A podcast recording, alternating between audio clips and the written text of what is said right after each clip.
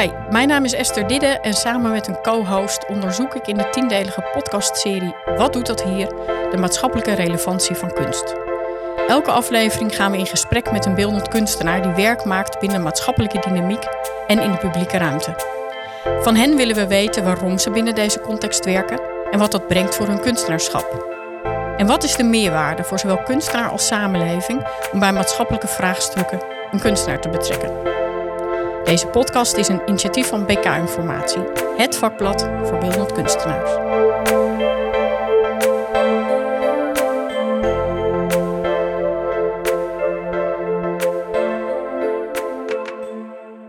Welkom bij deze aflevering van Wat doet dat hier? Een podcast over kunstenaars en maatschappelijke vraagstukken. Vandaag gaan we in gesprek met beeldend kunstenaars Sjaak Langenberg en Rosé de Beer.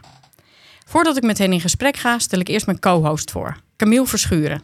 Camille is beeldend kunstenaar en woont en werkt in Rotterdam. Hij is onder andere een van de oprichters van kunstenaarsinitiatief BAD in de wijk Oud-Charloes in Rotterdam-Zuid. Nou, zoals we gezegd, we gaan in gesprek met Sjaak Langenberg en Rosé de Beer. Hartelijk welkom allebei. Ja, dankjewel. Dankjewel. We nemen de podcast vandaag op een bijzondere locatie op, want we zijn namelijk op het terrein van de Heigraaf. Rosé, kan je wat meer vertellen over deze plek? We zijn hier in Woudenberg. De Heigraaf is een locatie van de Rijnade, zorgorganisatie eh, Regio Utrecht. En op, dit, uh, op deze locatie wonen ongeveer 150 uh, mensen met een uh, ernstige meervoudige beperking. Nou, dat is eigenlijk ook precies de reden waarom wij jullie zo graag in onze podcastserie te gast wilden hebben. Want jullie doen hier iets waar heel cultuurbeleid makend Nederland mee worstelt. Zeg ik maar even in mijn eigen woorden. Namelijk onschotten. Cultuur als maatschappelijk domein in samenwerking met andere maatschappelijke domein. In dit geval de zorg. Um, Sjaak, jullie werken al jaren samen met uh, de zorgorganisatie. He, daar valt dus ook de Heigraaf onder. Is het pionieren geweest wat jullie aan het doen zijn? Uh, ik denk eigenlijk elke plek waar je begint is weer uh, pionier. Dan denk je van nou, nu weten we wel hoe het werkt. Uh, maar of je nou zeg maar hier zit of een gehandicapte organisatie op een hele andere plek, dan zit je in een hele andere context. Deze plek zit in een hele specifieke context, want de buren, dat, is een, dat is een camping, er zitten heel veel campings. er zit een groot meer, rec recreatieve omgeving. Dus dat maakt meteen al dat het niet alleen gaat over uh, ja, wie wonen hier en wat betekent dat en uh, wat voor vragen liggen er, maar ook ja, in wat voor context staat deze plek. Het is geen eiland. Nee, wat zijn jullie hier aan het doen? Nou, waar zullen we beginnen? um, het, is, het is eigenlijk begonnen met, met een vraag, omdat wij hadden eerder een project gedaan in Deurne voor een gehandicaptenzorgorganisatie. En dat ging over verbinding van die plek met zijn omgeving. En degene die hier uh, werken of die hier leidinggevend op dat moment was, die kende dat project en die kwam naar ons toe van uh, kun je dat ook bij ons ko komen doen? Nou, toen zei ik, reageerde ik eigenlijk al een beetje zoals wat ik net tegen je zei. Ja, maar uh, dit is niet precies hetzelfde. Jullie zitten ergens anders. Misschien is de doelgroep wel hetzelfde. Um, en ja, dat, begint, uh, dat begon dus inderdaad met een vraag. Wij, wij, wij, wij zitten deze plek, er wonen zoveel mensen. En wij zien eigenlijk wel dat het belangrijk is om die plek meer in verbinding te brengen uh, met die omgeving. En of dat nou die camping is of een inwoner van Woudenberg, uh, dat, dat kun je breder opvatten. Ik had daar een ja, vraag over. Want kunnen de, de, de, de bewoners er ook uit? Of, of, of hoe, hoe is die relatie dan met die omgeving? Komen nou, mensen binnen? Of, of? Me, mensen zijn, uh, zeg maar, ze hebben een heel laag ontwikkelingsniveau, zoals dat heet. Dus je, je, je ziet volwassen mensen, maar sommige mensen hebben, hebben zeg maar, mentale ontwikkeling, zijn ze twee jaar of drie jaar. Dus eigenlijk wonen hier uh, mensen die gewoon 24 uur uh, zorg nodig hebben. begeleiders die hier op woningen, er zijn verschillende woningen op deze plek. Uh, waar begeleiders zijn. En sommige mensen die kunnen zelfstandig op uh, binnen het terrein uh, bewegen. sommigen kunnen praten, anderen zijn fysiek weer beter. Dus daar zitten grote verschillen. tegelijkertijd zitten we hier ook op het terrein met een hele drukke verkeersweg aan één rand. Dus zeg maar zelfstandig dat terrein afgaan. Dat is, nee, dat is eigenlijk niet zo. Dat is echt of je gaat met familie of onder begeleiding of in een groepje ja, leg je dat contact met die omgeving. En dan is dat ook nog wel een bijzonder contact. Want hoe ziet zeg maar, hoe kijk je naar, naar die omgeving als jouw ontwikkelingsniveau, zeg maar, dat Ja. van iemand van drie is in een volwassen lijf. Maar het betekent wel dat zeg maar, de bewoners dus ja, onder begeleiding dus het terrein ook afgaan. eh, Ja, bijvoorbeeld naar dat meer. naar het meer. Oké. eh, En, en, dus an- en andersom heb je natuurlijk mensen die hier werken, maar ook natuurlijk komen ook, ook, ook mensen, ja, eh, familie natuurlijk misschien. Ja, kennissen ook. Ja, ook. Maar ik zag, ja, ook, ook, ik zagen vanmorgen ook een groep kinderen naar binnen lopen. Vanuit, van buitenaf naar binnen toe. Dus die komen ook. eh, dat is, ja. Ja, maar dat is direct aanleiding vanuit het project dat we doen. Oké, ja, Eh. En want dat had dus alles te maken met die beginvraag van ja, wij willen dus een verbinding maken met die omgeving. Want we zien gewoon een meerwaarde voor eh, ja, de, zeg maar, de kwaliteit van leven voor de mensen hier. Ook al is dat ont- ontwikkelingsniveau nog zo laag. Eh, zeg maar hier verstopt op het terrein zitten. Dat is natuurlijk iets anders dan dat je toch in een omgeving verkeert waar je iets kan meemaken eh, wat wij ook kunnen meemaken. Eh, of dat er ook het leven soms even, even misschien gevaarlijk mag zijn en niet alleen maar beschermd. Dus dat, zijn, dat, zijn, eh, dat, dat, dat, dat was een uitgangspunt. En wij hebben heel erg gekeken van ja, maar wat, op wat voor gronden maak je dan contact? Hè? Wat, wat is dan het verhaal van deze plek? En eh, voor ons was een hele belangrijke aanleiding. Er, zit hier, er zat hier al een atelier op het terrein, het adaptatie, de adaptatiewerkplaats, waar iemand eh, allerlei eh, ja, dingen maakt, aanpassingen aan rolstoelen of aan bijvoorbeeld een hulpmiddel waardoor iemand ineens zelfs ook ja, werk kan verrichten, ondanks al zijn beperkingen die er zijn. En we vonden het zo mooi dat, zeg maar, dat dat vanuit een hele mooie, eigenlijk vanuit een kunstenaarsmindset al gebeurde. Hmm. En Ja. toen dachten we, kunnen we dat niet, ja, kunnen we dat niet groter maken? Want we zien in die zorg, het is niet de eerste plek waar we het doen, zien we ook dat er eh, heel veel vergaderd wordt. En heel veel ook ja, management is. En heel veel, eh, dus als er dingen ontwikkeld worden. En we vonden mooi, oh, dit is echt een maker. En kan, kan dit niet nog meer een maakplek worden? Eh, dus dat was bijvoorbeeld een belangrijk uitgangspunt. Over die kinderen gesproken, want da- daar vroeg je naar. Ja. Eh, het is dus eigenlijk eh, steeds meer een plek geworden waarbij we eh, wij zelf, maar ook met andere kunstenaars en ontwerpers hier eh, workshops, eh, nou ja, allerlei vormen eh, organiseren, eh, waardoor er eh, contact gemaakt kan worden me- met die omgeving. Het project heet Recreatie. Dat heeft eigenlijk te maken met, nou ja, we zitten in die recreatieve omgeving, maar op die adaptatiewerkplaats zagen we ook al dat er heel veel hergebruik was. En hier in het gebouw waar we nu zitten, we zitten in een groot hoofdgebouw op terrein, stond een enorme opslagplaats met allemaal oude kantoorspullen. En dachten we, hm, er wordt hier voor mensen gezorgd, maar hoe wordt er eigenlijk hoe wordt er met materiaal omgegaan? Dus die dingen zijn bij elkaar gekomen. Ik wil even terugkomen op dat opheffen zeg maar, van die scheiding tussen bijvoorbeeld zorg en kunstdomein. Want jullie komen heel nadrukkelijk vanuit de kunsten. Je zegt ook, we willen dat contact met die omgeving weer stimuleren, bevorderen. Maar dat doe je vanuit de kunsten. Eh, het makerschap noem je net ook al. Maar waar zit hem nou ehm, die meerwaarde in, wat dan vanuit de zorg, sectezorg, niet lukt? Wat brengt die kunst dan? Nou, er is een verschil in wat Sjaak ook vertelt over dat je eh, soms in een soort v- vergadercultuur en besliscultuur zit. Een makerscultuur is toch vaak eh, meteen iets maken, testen en aanpassen. Dus eerder het makerschap. Ehm, maar het is ook ontstaan vanuit dat wij een verbinding wilden maken met mensen die tijd hebben. En mensen in de zorg hebben heel weinig tijd. En kunstenaars, ontwerpers die ervoor kiezen om hier te werken, willen graag juist veel tijd besteden om hier te zijn en om dingen te leren en dingen te maken. En zij hoeven geen zorg te verlenen in strikte zin. Nee, klopt. Ah ja, mooi. Dus ook ze, ze komen met tijd. Ze hebben tijd en aandacht. Aandacht is ook een belangrijk woord daarin, denk ik. Ja. Want Ja. er is ook altijd. Maar dat is niet alleen voor de zorg. En heel veel organisaties dat dan. Ja, eigenlijk dingen met soms heel weinig aandacht gebeuren. Ja, en die zorg. Kijk, er wordt heel goed voor mensen gezorgd hier. Maar tegelijkertijd ja, zijn er gewoon dingen dat je denkt van. Dan, dan besef je ineens, zeg maar. eh, met hoeveel detail en op, op wat voor detailniveau je met dingen bezig bent en aan dingen denkt en eh, ja, om iets voor elkaar te krijgen.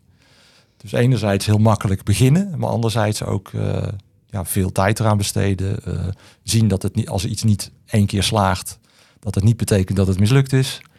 Ja, dat zijn allemaal, dat is zeg maar als maker of als kunstenaar, en ik kijk ook naar Camille, zeg maar, heel- voor ons is dat heel gewoon dat je zo werkt. Ja. Maar als je merkt, als je in zo'n context werkt, dat dat dan eh, ja, heel anders blijkt te zijn. Nou, misschien ook wel. Ook in, als ik er dan over nadenk, dan gaat het ook over dat je, omdat je het zelf maakt, kan je het ook zelf veranderen. Snap je? Je hebt niemand, eigenlijk niemand nodig om iets te doen. Eh, je hoeft niet te vragen aan iemand anders. Je kan het zelf doen. Als het dan niet zo is, dan doe je het zo of probeer dit. Je bent daar, daar zelf mee bezig. Dus je hoeft ook niet een opdracht te geven aan iemand anders om dat te doen. Dat kan je zelf doen. En daardoor heb je meer grip natuurlijk op wat er gebeurt en, en hoe het gebeurt. En, en of het zo moet of zo moet. Ja, en ik denk ook dat kunstenaars, of wij zelf in ieder geval, eh, een soort allergie hebben als mensen zeggen, zo doen wij dat hier. Eh, dus dan slaan wij een beetje aan zo van, oh, dat gaan we eens even kijken of wij dat ook zo vinden. Maar dat betekent, eh, als ik hem doortrek, dat jullie manier van werken heel goed is aanvullend, maar kan nooit zeg maar een heel zorgsysteem op zo'n andere manier ingericht eh, worden. Het kan er mooi naast lopen.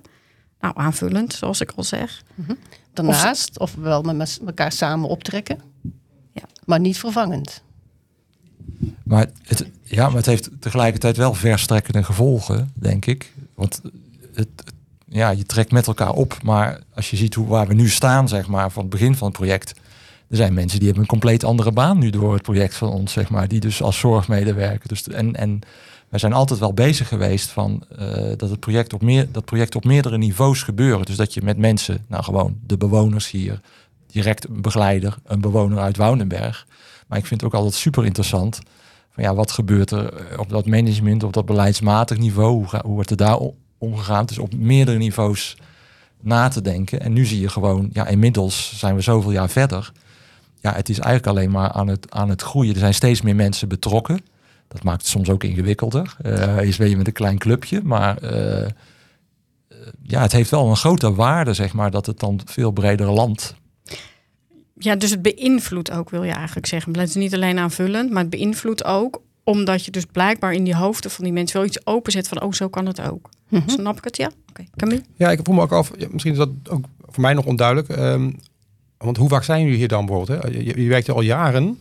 Of jaren toch? Eh, Ja. Ja. eh, hoe- maar wat is, heeft dit een bepaalde eh, frequentie? Of is het pro- projectmatig één week wel? Één, hè, zo, wat, wat is de aanwezigheid? Dat, dat wisselt heel erg. En we zijn natuurlijk niet al. Ja, we hebben meerdere rollen hier. We zijn hier wel meer dan in andere projecten ook, eh, zeg maar, organisator en weer uitnodigende, uitnodigende partij voor andere kunstenaars. Omdat het ook eh, in 2020 en 2021 was het eh, ook echt een residency, zeg maar, waar drie maanden. Dus dan heb je gewoon een kunstenaar die verblijft hier op het terrein drie maanden lang. En die is hier.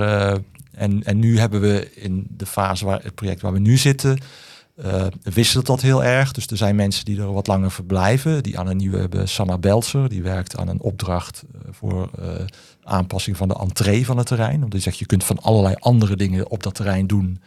Maar voelen mensen zich welkom, zeg maar, als ze hier terrein opkomen en toch, hé, er is toch een slagboom of er staat toch ergens niet voor onbevoegden, zeg maar.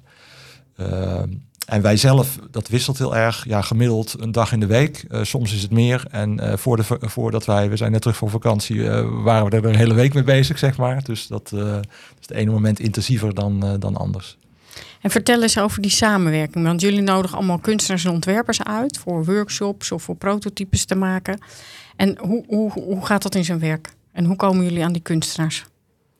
Het is gestart met eh, een binnenland atelier, waarbij we ook eh, samenwerking hebben gehad met Mondriaan Fonds. Eh, dus de eerste twee jaar zijn er drie maanden, voor drie maanden vier keer per jaar kunstenaars en ontwerpers hier geweest. En niet alleen Mondriaan Fonds, maar ook Stimuleringsfonds Creatieve Industrie. We wilden graag twee kunstenaars, twee ontwerpers. Eh daar voorafgaand, omdat we toen nog niet konden starten, zijn er ook nog losse opdrachten geweest. Waarbij we kunstenaars hebben ja, geselecteerd. Dus hebben we zelf gezocht met een specifieke opdracht. En op dit moment zijn eigenlijk, ja, er zijn weinig nieuwe kunstenaars die we kiezen. We, zijn, we willen graag de, eh, het contact eh, versterken, juist met de mensen die hier al dingen gedaan hebben. eh, dat die nog terugkomen. En die gaan, geven dus ook de workshops op dit moment.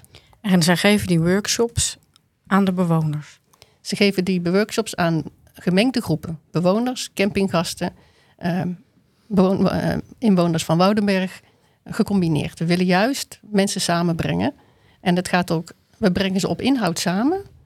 Maar het gaat ons niet dat ze per se samenwerken, maar dat ze elkaar zien. Dat is echt iets wat wij belangrijk vinden. Ja. Samen dingen doen. Maar dan vraag ik me toch meteen af als je net beschrijft dat je soms volwassen mensen zijn, maar cognitief een jaar of twee, drie. Mhm. Dan denk ik me, ah, voor een kunstenaar lijkt me dat best een hele kluif. Om dan met een workshop en dat eh, op een goede Ja. manier te doen. Ook ongeschoold ben je, want het lijkt me dat dit soort mensen ook misschien een geschoolde aanpak vragen. Of informatie in ieder geval daarover hoe je dat doet. Alle kunstenaars die hier komen, moeten de eerste maand wennen en hun, eh, hun plan bijstellen. Je komt hier met een idee. Ja. Maar ik vind ze wel geschoold op een bepaalde manier. Want ze zijn geschoold in dingen proberen, aanpassen, nog een keer aanpassen. Dus ze zijn niet specifiek geschoold voor deze doelgroep, maar wel ehm, kijken wat er mogelijk is.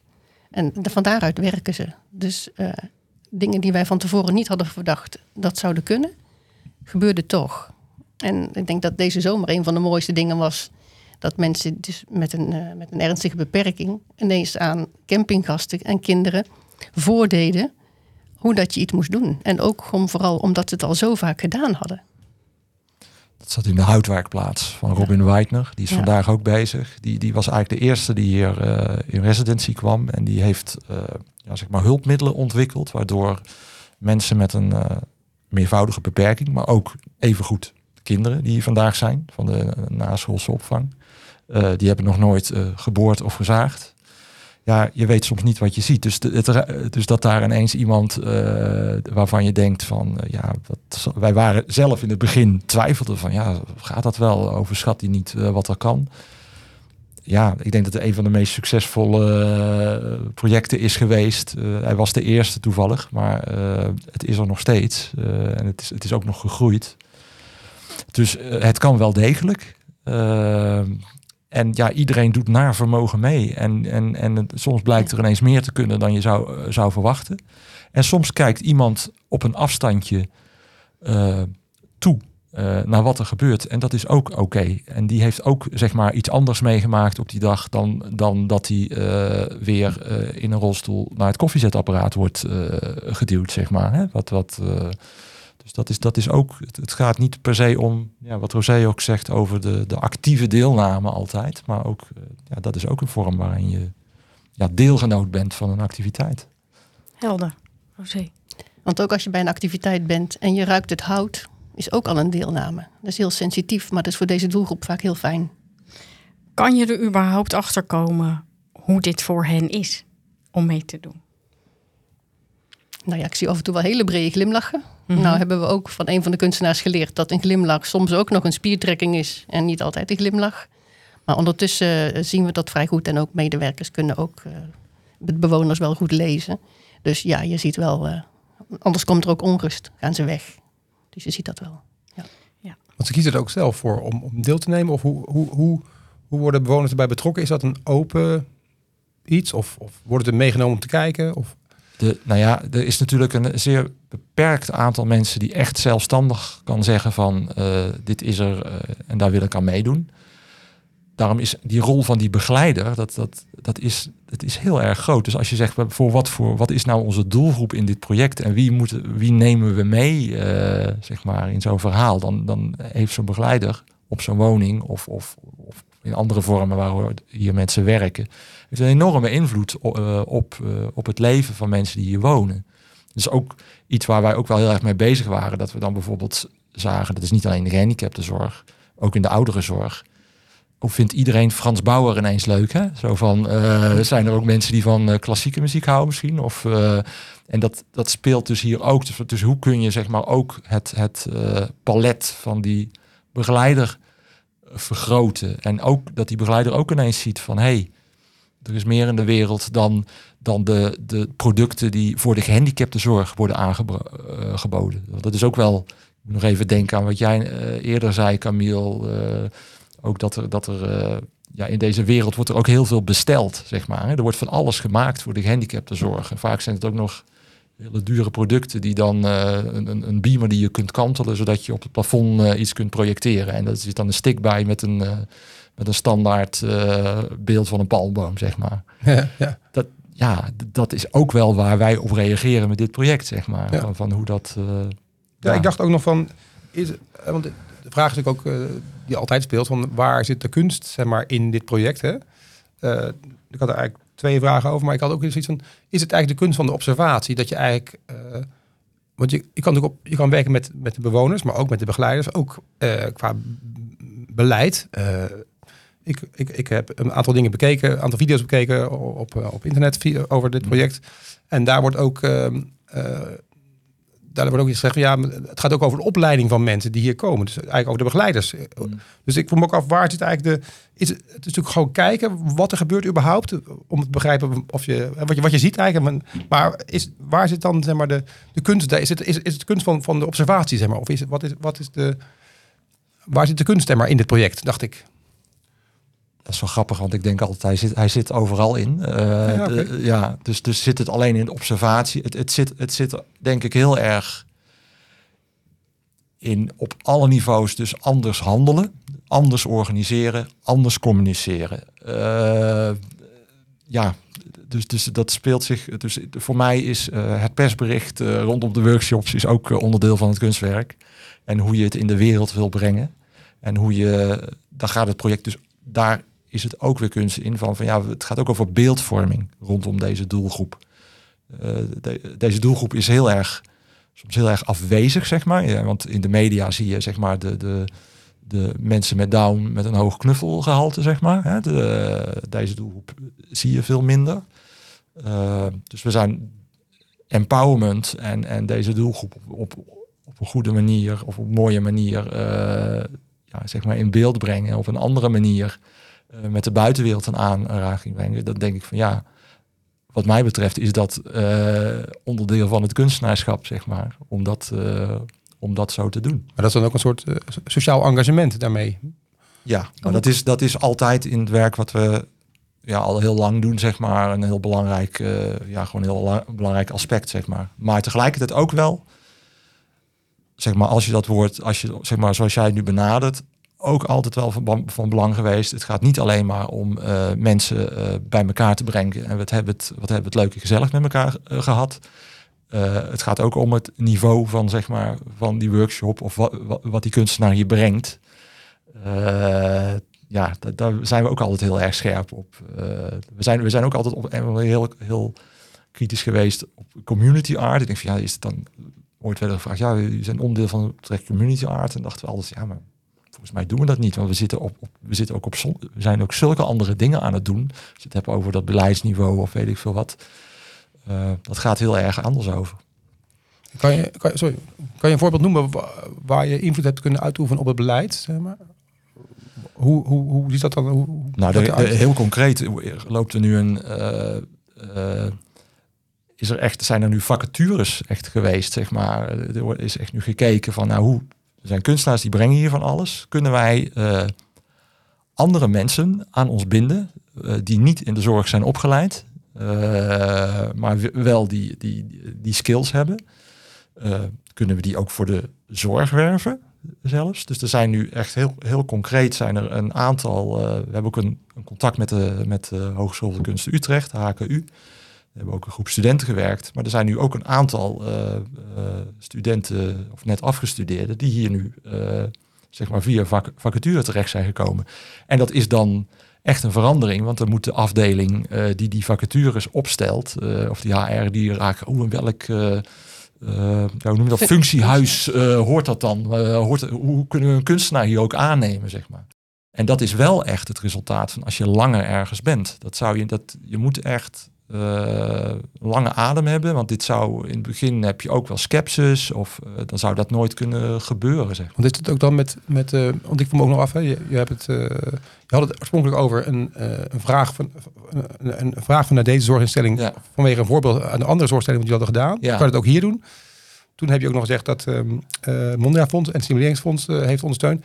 Wie financiert eigenlijk, of is dat is misschien wel veranderd in de tijd, maar wie financiert het project? Want dat bepaalt ook een beetje waar, waar komt de, de kunst vandaan? Het is, het is eigenlijk een gemengde, het is altijd een mengvorm geweest. Alleen de, het aandeel van uh, Reinaarde, van de zorgorganisatie zelf, in, in mensuren, maar ook in, in financiële bijdrage is groter geworden. Naarmate men de meerwaarde en het belang van het zag dat het niet alleen is die workshop die die kunstenaar doet, maar dat het dus zeg maar een grotere im- eh, impact heeft op eh, eh, dat een begeleider ook ineens eh, andere mogelijkheden ziet, zeg maar. We hebben op dit moment bijvoorbeeld Fonds voor Cultuurparticipatie.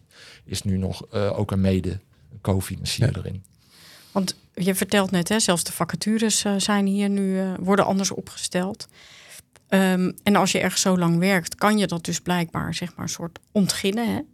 Ehm, maar dit kan je onmogelijk volgens mij als stip op de horizon een aantal jaar geleden bepalen van we hopen wel dat dat lukt. Dus je werkt ook, je werkt resultaatgericht en ook zonder resultaat volgens mij. Dus gewoon puur op basis van vertrouwen. Hoe doe je dat? Nou, je laat aan het begin natuurlijk zien wat je eerder gedaan hebt. Eh, en daarmee krijg je vertrouwen. En wij, wij luisteren wel heel goed naar mensen en kijken goed rond. En dan maken we ook een plan wat we presenteren. Maar verder moet iemand op avontuur durven gaan. Eh, als iemand zegt van eh, ik wil van tevoren precies weten wat er komt, ja, dan komen we niet. Nee, want je kan niet volgens die condities werken. Nee. Nee. Nee. Maar goed, dat is dus extra bijzonder. Maar dan wil ik toch even weten, want ik hoor zeg maar een soort driehoek, hè, als ik het samenvat. De kunsten, de zorg en de, de bewoners. Het domeinkunst, domeinzorg en de bewoners. Hoe weeg je die drie nou voortdurend ten opzichte van elkaar? Want vanuit, hè, ik ken de kunsten goed en dan snap ik dan misschien met allemaal vooroordelen, denk ik, ik snap wel dat de zorg dit wil. Maar wat, wat is er eigenlijk goed aan voor de kunsten? Vind ik veel moeilijker om te pakken. Wat heeft de kunst eraan dat jullie hier zo ja, toch nog steeds aan het pionieren zijn en ook wel weer sporen achterlaten dat zorg en kunst wordt ook wel weer aan jullie gedacht. Waar, waar zit het hem, de meerwaarde voor de kunst in? Ik wil het wel zeggen. Dat is goed. Graag, Sjaak. Ehm, nou, ik denk, wij komen eigenlijk uit, uit eh, de kunst in de openbare ruimte opdrachten. En eh, daar zat ook wel een frustratie op een gegeven moment. Want dan, dan was er eh, een Vinex-locatie en er was geld, werd geld gegenereerd uit grondverkoop. En, en op een of andere manier ja, de, de innerlijke noodzaak, die, die maakten we wel, zeg maar, op die plek. Maar die was niet vanaf eh meet af aan voelbaar. Op dit soort plekken is die eigenlijk van meet af aan wel voelbaar. En wat ik een groot nadeel van die projecten, openbare ruimteprojecten vaak vond, is dat, nou ja, we hebben dat kunstwerk en dat, eh, nou, dat is dan opgeleverd, eh, mooi. En we hebben nog een eh, onderhoudsbudget. en ik dacht heel vaak aan het eind van, ja, maar nu, nu begint het. Nu Ja, begint het. Ja, ja. Dus als je zegt van wat is de los van zeg maar wat kunstenaars hier maken en laten zien, denk ik zeg maar eh, deze werkwijze en zeg maar dit eh, dat een project eh, nou ja dit soort gevolgen kan hebben. Dus dat dat dat het die die meer lagen dat, dat, dat dan een, een, een directrice opdracht geeft. We gaan iets anders met vacatures doen. Of we gaan. dus dat het al dat soort gevolgen kan hebben. Ja, voor mij, vanuit mijn perspectief, is dat een bijdrage ook aan de kunsten in het verbreden van. eh, voor mij is het kunstenaarschap altijd. Ik, eigenlijk ben ik van het begin af aan altijd bezig geweest van. Ja, hoe kan ik kunstenaar zijn in deze wereld? En dat is het nog steeds, zeg maar. En, eh, en altijd een soort haat-liefde er ook mee. Zo van, eh, ja, ja, tentoonstellingsruimte, ja, wat heb ik daar nou mee? Ja, nee, eh, die kunst in openbare ruimte ingaan, daar ook weer tegen dingen aanlopen. En nu zitten we in deze fase, zeg maar, in dit onderzoek. En, en dan zie je, als je langduriger hier bent, ja, dat er ineens allerlei andere dingen gaan gebeuren. Ook bijvoorbeeld, ik noemde die samenwerking met de Hogeschool voor de Kunsten. Daar hebben we ook gezegd van ja, er zijn natuurlijk allerlei projecten waar studenten eh, ook participeren op een plek. Dan ja, dat willen we eigenlijk ook anders. Hoe kunnen die studenten hier ook weer, hoe kan dat niet weer een projectje zijn, zeg maar? Dat is ook een soort iets geweest van ja, het, we gaan zo van project naar project en er is een soort ongelofelijke kapitaalvernietiging op een bepaalde manier. Ehm, en ja, vanuit mijn gezichtspunt vind ik dat wel een, een, een bijdrage aan de, ook de ontwikkeling van wat de kunstenaar vermag in, in deze context, zeg maar. En, en wat daar misschien nog veel meer mogelijk is dan je, eh, dan je zou denken. Ja, dankjewel. Eh Camille, ik stel voor dat wij het eh, aan iemand eh, uit de zorg hier gaan vragen. Ik eh, ben Nanda Lippens. Ik werk inmiddels 16 jaar bij Renaarde. En ik ben begonnen als uh, secretaresse voor de behandelaren en doorgegroeid naar uh, secretaresse voor het strategisch team. En in die periode, in die transitie, uh, begonnen we met het project Recreatie. En daar ben ik vanaf het begin af aan bij betrokken geweest. eerst een aantal uurtjes bij mijn functie als secretaresse. En dat is inmiddels uitgegroeid tot 16 uur. Dat ik per week bezig ben en ben inmiddels geswitcht van functie als projectmedewerker. Wat doe je allemaal voor de recreatie van Sjaak en Rosé? Uh, alles? Ja. nee. Um, ik ben wel een beetje de regelneef en ben degene binnen Renaarde die wel van alle onderdelen af weet. Inmiddels is recreatie zo groot geworden. Het begon heel klein, maar het is steeds groter geworden. En ik ben wel een beetje de, de, de, de rode lijn in het project. Dus ik weet van alles wat. Maar we proberen wel de taken een beetje te verdelen. Want uh, inmiddels is het zo groot geworden dat het niet meer te behappen is uh, voor maar één persoon, zeg maar. En wat, en wat, wat, uh, wat, wat vind je van het project? Wat zie je dat het project hier doet? Heel veel. Um, in het begin was dat best moeilijk om mensen mee te krijgen. Toen we begonnen, toen kregen we ook vaak te horen... Ja, waar, waarom doen jullie dit eigenlijk? En wat, wat hebben mijn familieleden hier aan die hier wonen? ook medewerkers die dachten, of managers die dachten, ja, nou, het zal allemaal wel. Maar dus we zijn langzaamaan begonnen. En ik zag wel gewoon de visie dat uh, kunstenaars een bepaalde blik hebben die wij niet hebben in de zorg. Um, toen wij uh, iets anders wilden hier op de Heigraaf, hebben we natuurlijk andere dingen geprobeerd voordat Jacques Rosé we gevraagd hebben om dit op te zetten. En iedere keer had ik het toen met, met de manager over. Dat we wel iets anders wilden, maar hoe moesten we dat dan doen? En dan had ik hele discussies met haar. En toen zeiden we ook van ja, wij hebben gewoon die visie niet. Wij zien het niet. We zitten in een soort. Wij hebben een soort oogkleppen op. Maar wat is het dan precies? Want ik kom, weet niets van de zorg. Nee. Um, wat is het dan dat je zegt dat, dat wil, de, willen we anders of dat missen of dat willen we toevoegen? Wat, wat, wat is dat? Um, ja, moet ik het omschrijven? Vind ik best wel lastig. Uh, kunstenaars of vormgevers brengen een bepaalde blik met zich mee, althans een kijk op de wereld met zich mee, die wij in de zorg niet zo zien. Eh, de mensen in de zorg, um, moet ik even goed nadenken, de mensen in de zorg die, die willen zorgen. Dus die kijken heel erg naar de taken om uh, de zorg goed voor elkaar te hebben. Maar je kan ook op een andere manier uh, naar bepaalde um, uh, onderdelen kijken en een andere oplossing vinden. Misschien is het een, andere oplossing, een andere blik die een kunstenaar meebrengt om een dagelijks probleem op een andere manier op te lossen, die iemand die zo in de zorg zit dat niet ziet. Een soort verbazende blik, misschien een verbazing die, die je dan meeneemt, een soort naïviteit die je meeneemt, uh, een openheid die je meeneemt. En als je echt in de zorg zit, dan zie je dat vaak niet. Maar als je in de zorg zit, je moet ook volgens mij zoveel. Het is zo'n complex vak. Zeker. Dat is ook de manier. Dat is ook waarom we het opgezet hebben zoals we het hebben opgezet. Ik weet niet of Jacques Rosé dat al verteld hebben. Maar toen we begonnen, toen uh, was de opzet ook dat we een kunstenaar van vormgever zouden uitnodigen om het werk te doen en vooral niet de mensen van de woningen extra te belasten omdat ze al zoveel moeten. Um, dus eh, als ik even een voorbeeld mag geven over die verbazing en over die blik. Robin was de eerste die hier kwam en die had een soort modulair systeem ontwikkeld dat je makkelijker kan zagen en boren als je een beperking hebt of als je kind bent, want dan heb je ook die motoriek nog niet. Um, en hij kwam hier en hij had het al ontwikkeld. Um, en hij kwam hier en heel veel begeleiders zeiden: ja, maar dat is niks voor uh, Jan of Piet. Uh, want die heeft die focus niet of die heeft die mobiliteit niet. En hij verbaasde mensen doordat het wel werkte. Dat er gewoon een verbazing was. Oh, maar ik had niet verwacht dat hij zoveel focus zou houden. Uh, en het gaf ook een bepaalde empowerment aan de, aan de bewoner zelf. Die, die iets maakte waarvan iedereen dacht, dat kan die niet. Nou, dat is nou zeg maar die toch gewoon proberen en ook het vertrouwen erin hebben dat het dus wel kan.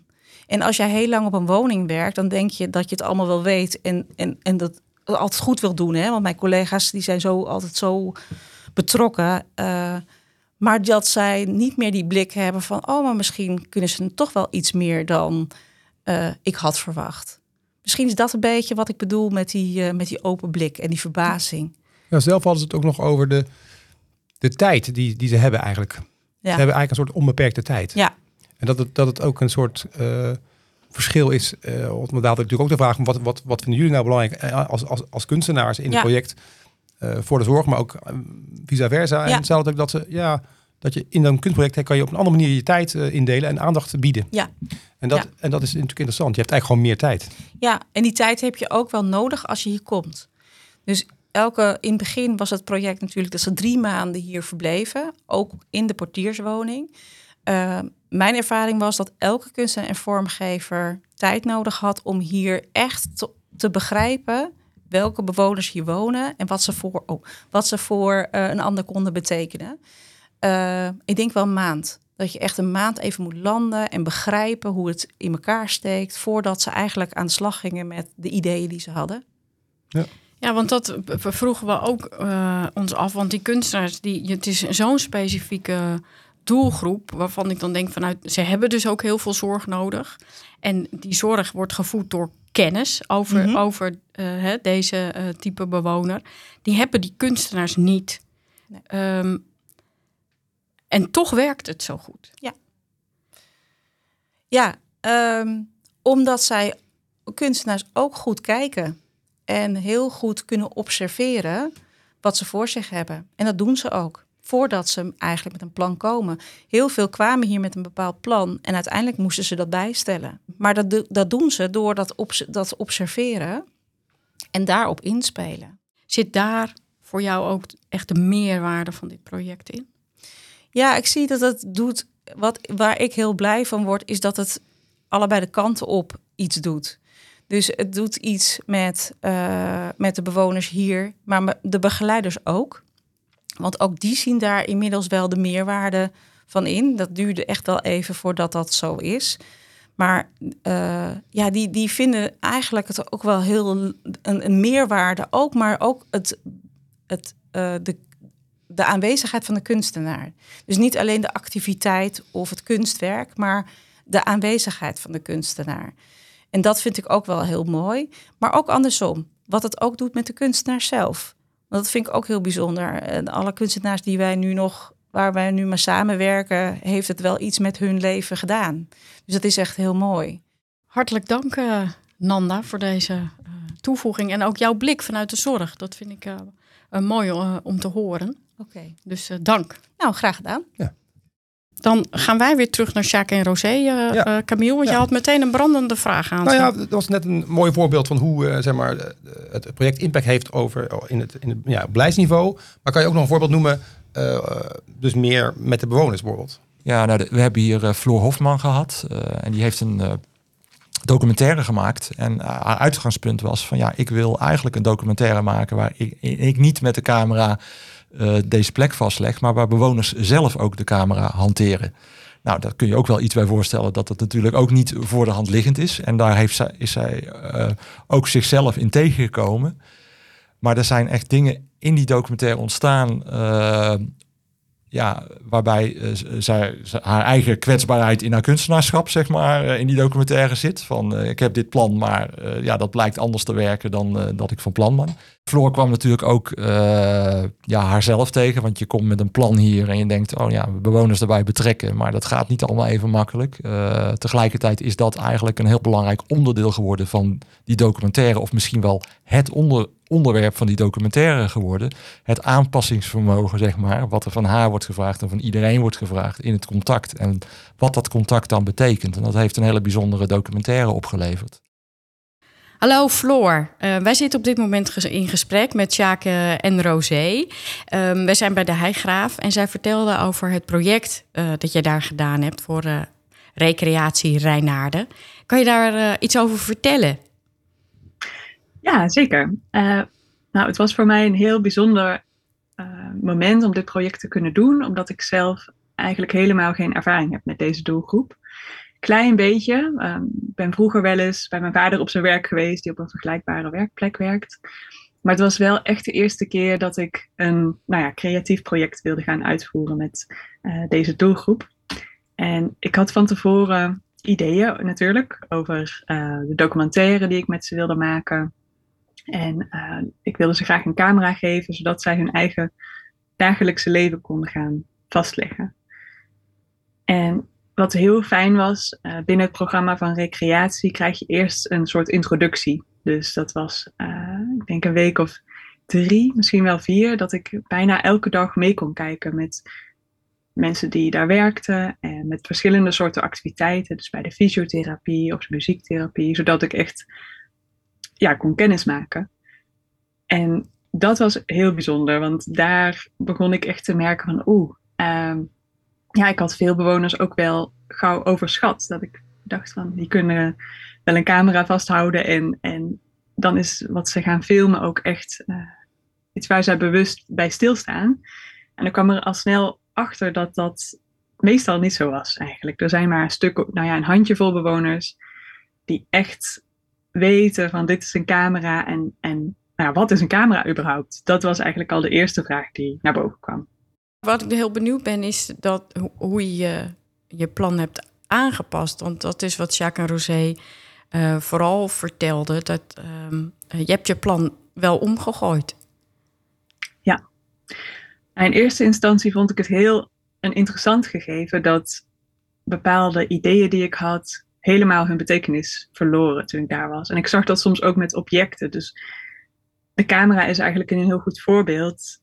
Ik heb zelf zo'n aanname dat een camera die ga je vasthouden en dan, dan weet je dat je die op ooghoogte gaat houden en een beetje gaat bewegen zodat je iets kan vastleggen.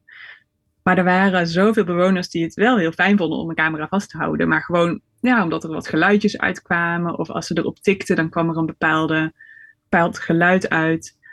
Um, en dat, dat vond ik eigenlijk heel mooi. Dat iets wat voor mij zo vanzelfsprekend is, eigenlijk opnieuw bevraagd werd. En um, dat voor veel bewoners bijvoorbeeld alleen al het moment dat ik binnenkwam en hen een camera gaf. En dat die interactie eigenlijk al heel bijzonder voor ze was. Dus ik werd zelf ook veel meer in het moment getrokken. En realiseerde me ook steeds meer dat voor bewoners het hier en nu alles is. Dus ik ben dan als filmmaker bezig met: oké, wat gaan we vastleggen en hoe gaan we dat uitleggen in de toekomst? En voor welke doelgroep gaat het interessant zijn om te bekijken? Maar het nodigde mij heel erg uit om ja, echt daar te zijn en te voelen van uh, zelfs ook bij bewoners die wel bewust konden filmen, vaak was dat dan ook een moment voor hen om de interactie aan te gaan met andere mensen. Want ja, als je een camera vasthoudt, gaan mensen naar je zwaaien of die gaan vragen: wat ben je aan het doen? En, en die interactie was voor hen eigenlijk, ik denk nog wel veel belangrijker dan dat ze echt het gevoel hadden van ook bij mijn verhaal aan te vertellen. Dat, maar je, ko ja, je koos dus niet specifiek voor de mensen uh, om een camera te geven die uh, wel begrip hadden van wat een camera was en hem konden vasthouden. Heb je bewust voor gekozen?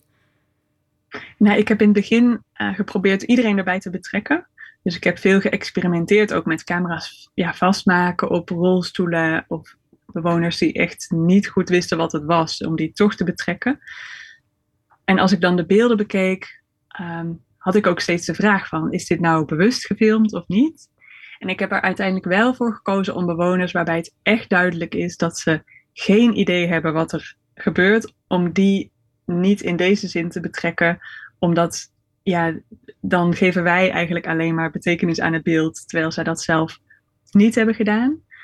Um, maar ik heb wel bewoners betrokken bij, bij wie het soms een beetje onduidelijk is. Dus soms heb je het idee, ah, ze hebben het nu echt door. En soms ook niet. Um, en aan de andere kant dat vond ik interessant, omdat in de, in de communicatie met die bewoners heb je dat ook altijd. Dat je niet zeker weet wat komt nu aan en op welke manier komt het aan. En uh, de reactie die je krijgt, is die echt op mij of is die op iets anders? Dus je zit altijd een beetje in die ja, zone waarin je niet helemaal zeker weet uh, of jouw stijl van communicatie echt aankomt. En toen had je al dat materiaal je gaat toch ook met je eigen blik daar naar kijken. Um, ja. Dat, ah, lijkt me nog best wel moeilijk ook. Maar terwijl ja. ik hoor zeg maar dat je het heel zuiver hebt willen houden. Om dus ook jezelf. Maar je kan bijna niet anders als je als je er toch iets van een geheel van wil maken. Of dat het voor de mensen die de werkelijkheid anders beleven, die het straks ook gaan zien, zeg maar, er toch mee uit de voeten kunnen ook. Toen had ik inderdaad al het materiaal en merkte ik dat ik zelf heel gauw betekenis wilde gaan geven aan de beelden. En op sommige momenten vond ik dat een valkuil, omdat ja, soms kan dat helemaal niet. En op andere momenten was dat ook interessant en heb ik uh, andere mensen ingeschakeld ook om het materiaal te bekijken, die gewoon meer bekend zijn met de doelgroep of ouders bijvoorbeeld. En als zij dan uh, vertellen over hun ervaringen met nou, hun kinderen of cliënten en hoe zij eigenlijk tegen dezelfde dingen aanlopen uh, als ik. En natuurlijk zijn zij jaren daar al mee bezig, dus in een heel ander stadium. Maar wel in essentie is het ook steeds afstemmen en steeds aanvoelen van wat bedoelt iemand nu? En uh, dat je langzaam misschien mensen wel begint te lezen, maar dat kost gewoon heel veel tijd. Um, maar als ik dan uh, meer ervaren mensen naar het beeld liet kijken, begreep ik de context zelf ook steeds beter. En uh, dat is in de documentaire ook nu het geval. Dus je ziet beelden gefilmd door bewoners, afgewisseld met ervaringen van begeleiders en van ouders. En die geven wel uh, die, die maken het wel wat verteerbaarder. Want natuurlijk als ik een uh, half uur film van alleen maar beelden van bewoners liet zien, dan kan dat ook heel interessant zijn. Maar ik denk dat je nu ook meer uh, nou, conceptueel of op een intellectueel niveau meer kan leren over hoe zij naar de wereld kijken. Kunnen we de film ergens zien binnenkort? Ja, wat heel leuk is, is in, uh, in oktober is de Dutch Design Week in Eindhoven. En dan is er een expositie in het Van Abbe Museum, waar de film ofwel in zijn geheel of fragmenten uh, te zien zullen zijn. Dat, dat moeten we nog besluiten. Maar daar kun je in ieder geval hoe dan ook een glimp krijgen van de film. Hartstikke leuk, dankjewel. We hebben een vast item in deze podcastserie en dat is namelijk de doorgeefvraag. Um, de vorige keer spraken Camille en ik met Saskia Jansen en uh, Sjors Korsmit over hun project de Volkshortus in de wijk Selwert in Groningen. En zij hebben een vraag aan jullie.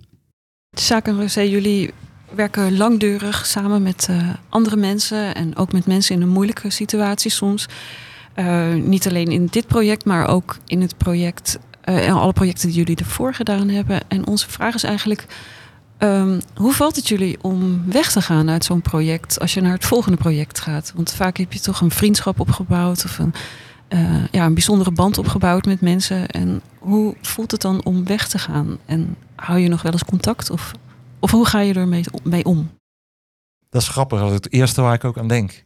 Uh, nou, leuk dat je dat zegt. Het het eerste wat ik aan denk. Dat we gewoon inderdaad uh, ja, vrienden maken of, of mensen waar je lang mee samenwerkt. En dat dat we gaan toch nog wel eens terug bij mensen dan. ja.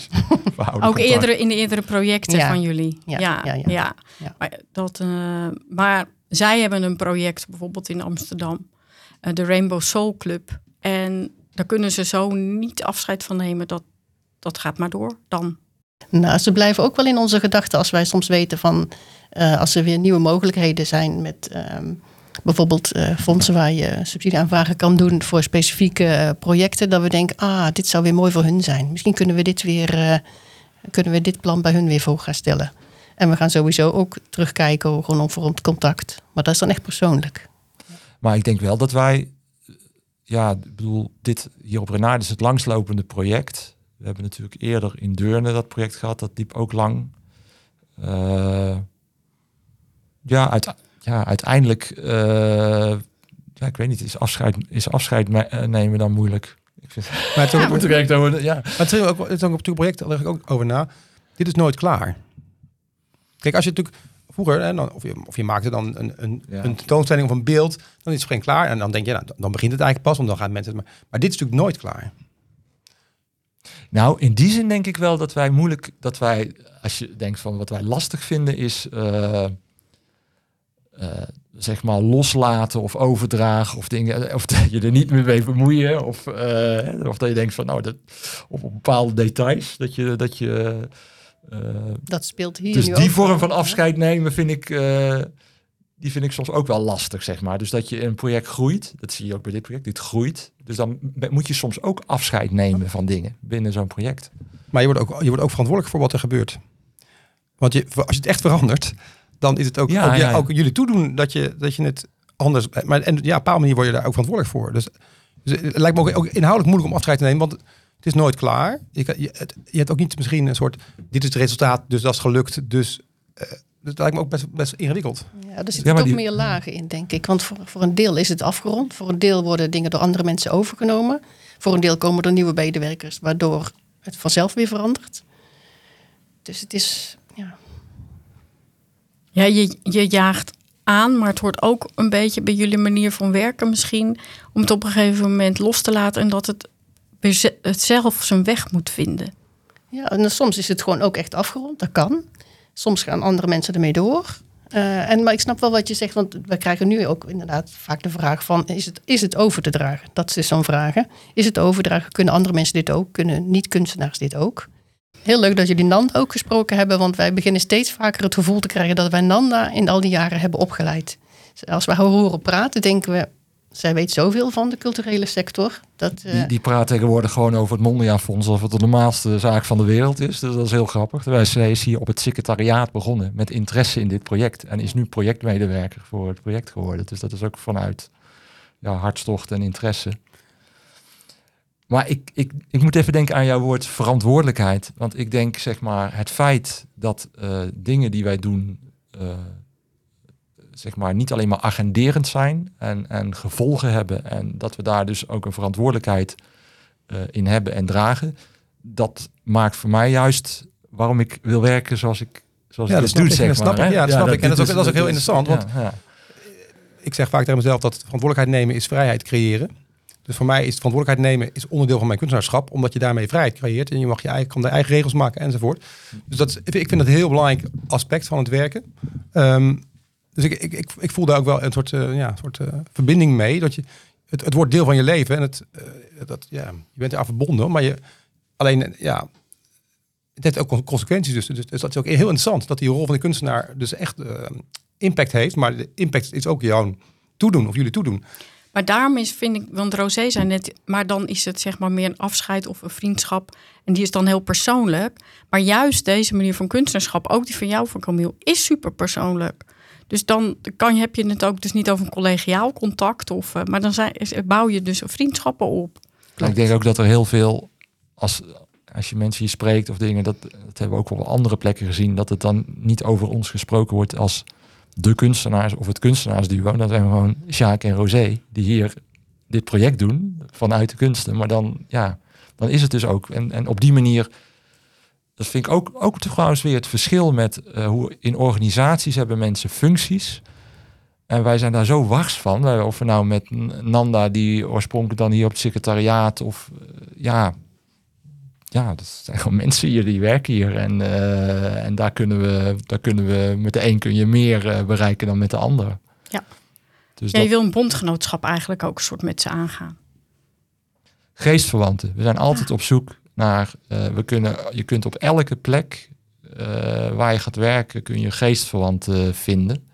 Het kan een boer zijn in een, eh, op het platteland of, of hier. En dat kan, kunnen allerlei mensen zijn. En dan kun je ineens met iemand staan praten. En denk ik, goh, we kunnen gewoon heel goed met elkaar praten. En we begrijpen elkaar. Ja, jij hebt helemaal niet op de kunstacademie gezeten. Maar dat maakt helemaal niet uit.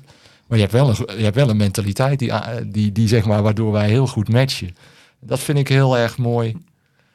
Ja, als je, dat is het belangrijkste ook wat je nodig hebt om een project. eh, ik bedoel, je kunt over geld hebben, je kunt over allerlei dingen hebben, maar, maar het vinden van eh, geestverwanten, dat maakt, ja, dat maakt zo'n project. Dat je ja, mensen kunt lezen en schrijven, zeg maar. Dan zijn we alweer bij de laatste vraag. Welke vraag willen jullie aan onze volgende gast stellen?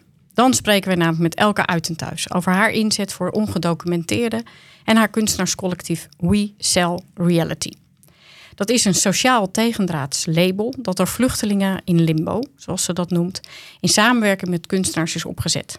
Samen maken ze producten die uiting geven aan een teleurstellend Europa, een falend asielbeleid, aan overleven en de onmogelijkheid een nieuw leven op te bouwen. Maar ook aan trots, liefde en kracht. We Reality maakt de realiteit van kwetsbare overlevers zichtbaar, verleidelijk en ook verkoopbaar. Wij zijn eigenlijk benieuwd als we uh, als die projecten zien, zo van is het, uh, ligt de focus heel erg op, op het agenderen? Of wil je ook, zeg maar, op systemisch niveau iets veranderen?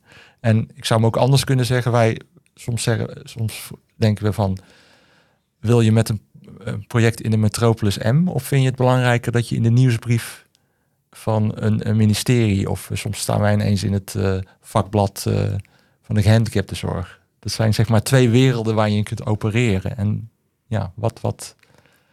En wat beoogt zij? Wat beoog je? Is, is het agenderen, is dat, is dat je hoofddoel? Of is, denk je van nee, ik wil ook echt wel iets veranderen? Ja. Of zijn beide uh, gelijkwaardig aan elkaar? Oké. Beide belangrijk. Ja. En kan je een parallel trekken met wat jullie hier aan het doen zijn? Zeker, ja. Voor ons is het belangrijk dat wij op beide vlakken uh, gelijk, uh, gelijke manier opereren. De zorg en de, of de gehandicaptenzorg misschien zelfs wel? In dit geval, dat kan voor een ander project zijn, het bladboerderij, als we iets, een film in een polder maken. Ja. ja, dus je wil met ene been in de ene wereld, been in de andere wereld. En je wil graag van elke weten hoe zij erin zit. En op, op, op, allebei die werelden op een of andere manier een impact of effect. Of dat nou de wereld is van de Hogeschool voor de Kunsten, waar ook jonge kunstenaars worden opgeleid. Of het staat ineens inderdaad in uh, het vakblad van de Vereniging Gehandicaptenzorg Nederland, waar het dus als betekenisvol wordt gezien. Ja, dat is interessant. Dat het, dat het in die beide werelden een betekenis krijgt. Gaan we aan haar vragen? Ja. ja dankjewel. Dankjewel. We zijn aan het einde gekomen van deze podcast en je kan reageren. Na elke aflevering zetten we een prikkelende stelling online. Ga naar bkinformatie.nl en discussieer mee. En daar vind je ook foto's van het werk van Sjaak en Rosé. Deze podcast kwam mede tot stand dankzij bijdragen van het Mondriaan Fonds en het Pictorite Fonds. De techniek was in handen van Operator Radio. Ik bedank Sjaak Langenberg en Rosé de Beer voor het gesprek en natuurlijk mijn co-host Camille Verschuren. Je kan je op deze podcast abonneren via je favoriete podcast-app. En we waarderen het als je een review achterlaat, zodat nog meer mensen deze podcast kunnen vinden. De volgende aflevering staat 3 november online.